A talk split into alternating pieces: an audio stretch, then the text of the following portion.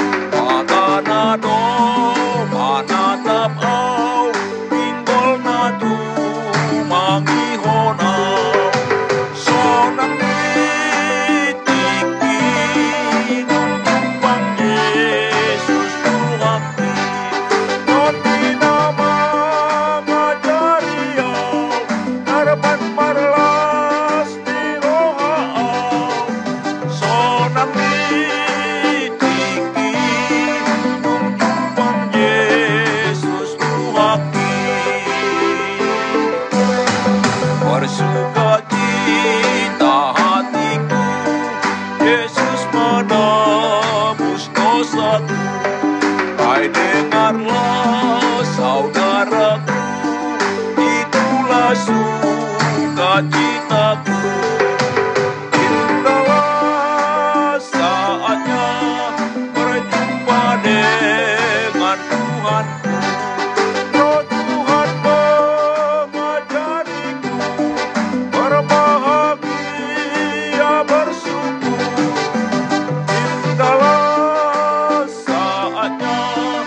Deborah.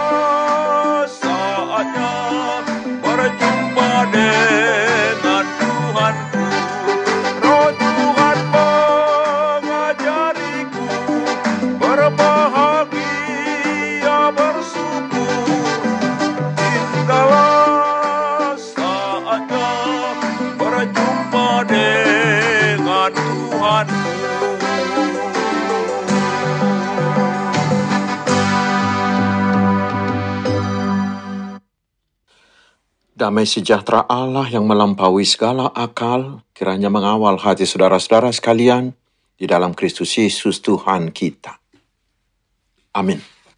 Saudaraku yang dikasihi Tuhan Yesus Kristus, firman Tuhan yang akan menyapa kita di minggu ke-21 sesudah Trinitatis hari ini, dengan tema Berdiri Teguh dalam Ajaran Yesus Kristus, adalah dari surat Paulus ke jemaat Tesalonika yang kedua, 2 Tesalonika pasal 2 ayat 13 hingga ayat 17. Saya bacakan untuk kita.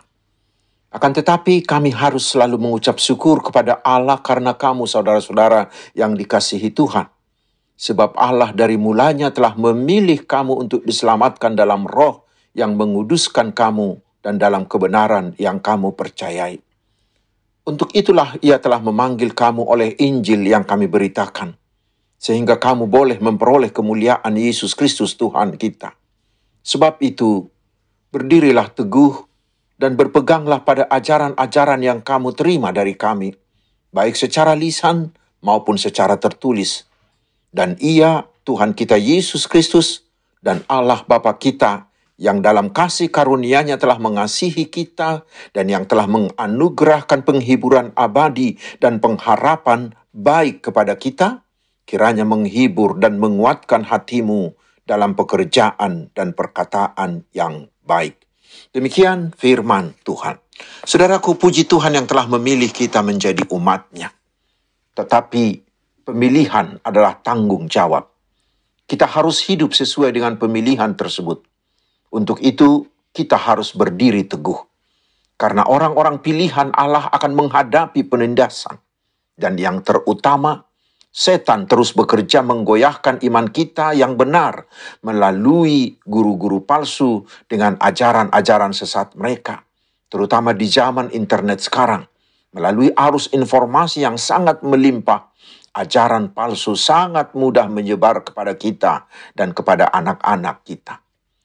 Untuk memenangkannya, Paulus mengatakan di ayat 15, Sebab itu berdirilah teguh dan berpeganglah pada ajaran-ajaran yang kamu terima dari kami, baik secara lisan maupun secara tertulis, yang menekankan supaya kita bertekun menghadapi ancaman penganiayaan dan ajaran palsu. Tidak boleh lengah kita harus memiliki tekad dan kerajinan sehebat-hebatnya untuk memegang dan berpatokan pada ajaran yang benar itu. Karena itu saudaraku, kita harus tekun membaca, menghayati, dan melakukan firman Tuhan yang tertulis di Alkitab. Karena hanya Alkitablah satu-satunya sumber kebenaran. Karena itu hari ini mari kita renungkan. Seberapa intimkah saudara dengan Alkitabmu? Keintiman kita dengan Alkitab sangat menentukan terhadap kemampuan kita menghadapi semua ancaman-ancaman terhadap iman kita. Semakin kita intim dengan firman Tuhan, semakin kita kuat menghadapi segala ancaman. Dan selanjutnya saudaraku, bila kita telah intim dengan firman Tuhan, maka Tuhan akan semakin mengasihi kita, akan menghibur dan menguatkan hati kita menghadapi semuanya itu ayat 16 dan 17. Dan Tuhan akan menganugerahkan penghiburan kekal bagi kita sehingga di semua penindasan kita tetap terhibur dan bersuka cita ayat 17a. Dan kemudian kita akan dikuatkan untuk melakukan pekerjaan dan perkataan baik ayat 17b. Karena itu saudaraku, mari akrablah dengan firman Tuhan, sehingga kita berpegang teguh hanya kepada ajaran firman Tuhan. Amin. Mari kita berdoa. Ya Allah, terima kasih atas pemilihanmu bagi kami. Kuatkan kami agar kami bergaul intim dengan firman-Mu, sehingga kami berpegang teguh hanya pada ajaran firman Tuhan. Tuhan memberkati engkau dan melindungi engkau. Tuhan menyinari engkau dengan wajahnya dan memberi engkau kasih karunia. Tuhan menghadapkan wajahnya kepadamu dan memberi engkau damai sejahtera. Amin. Selamat hari Minggu, saudaraku. Tuhan Yesus memberkati kita.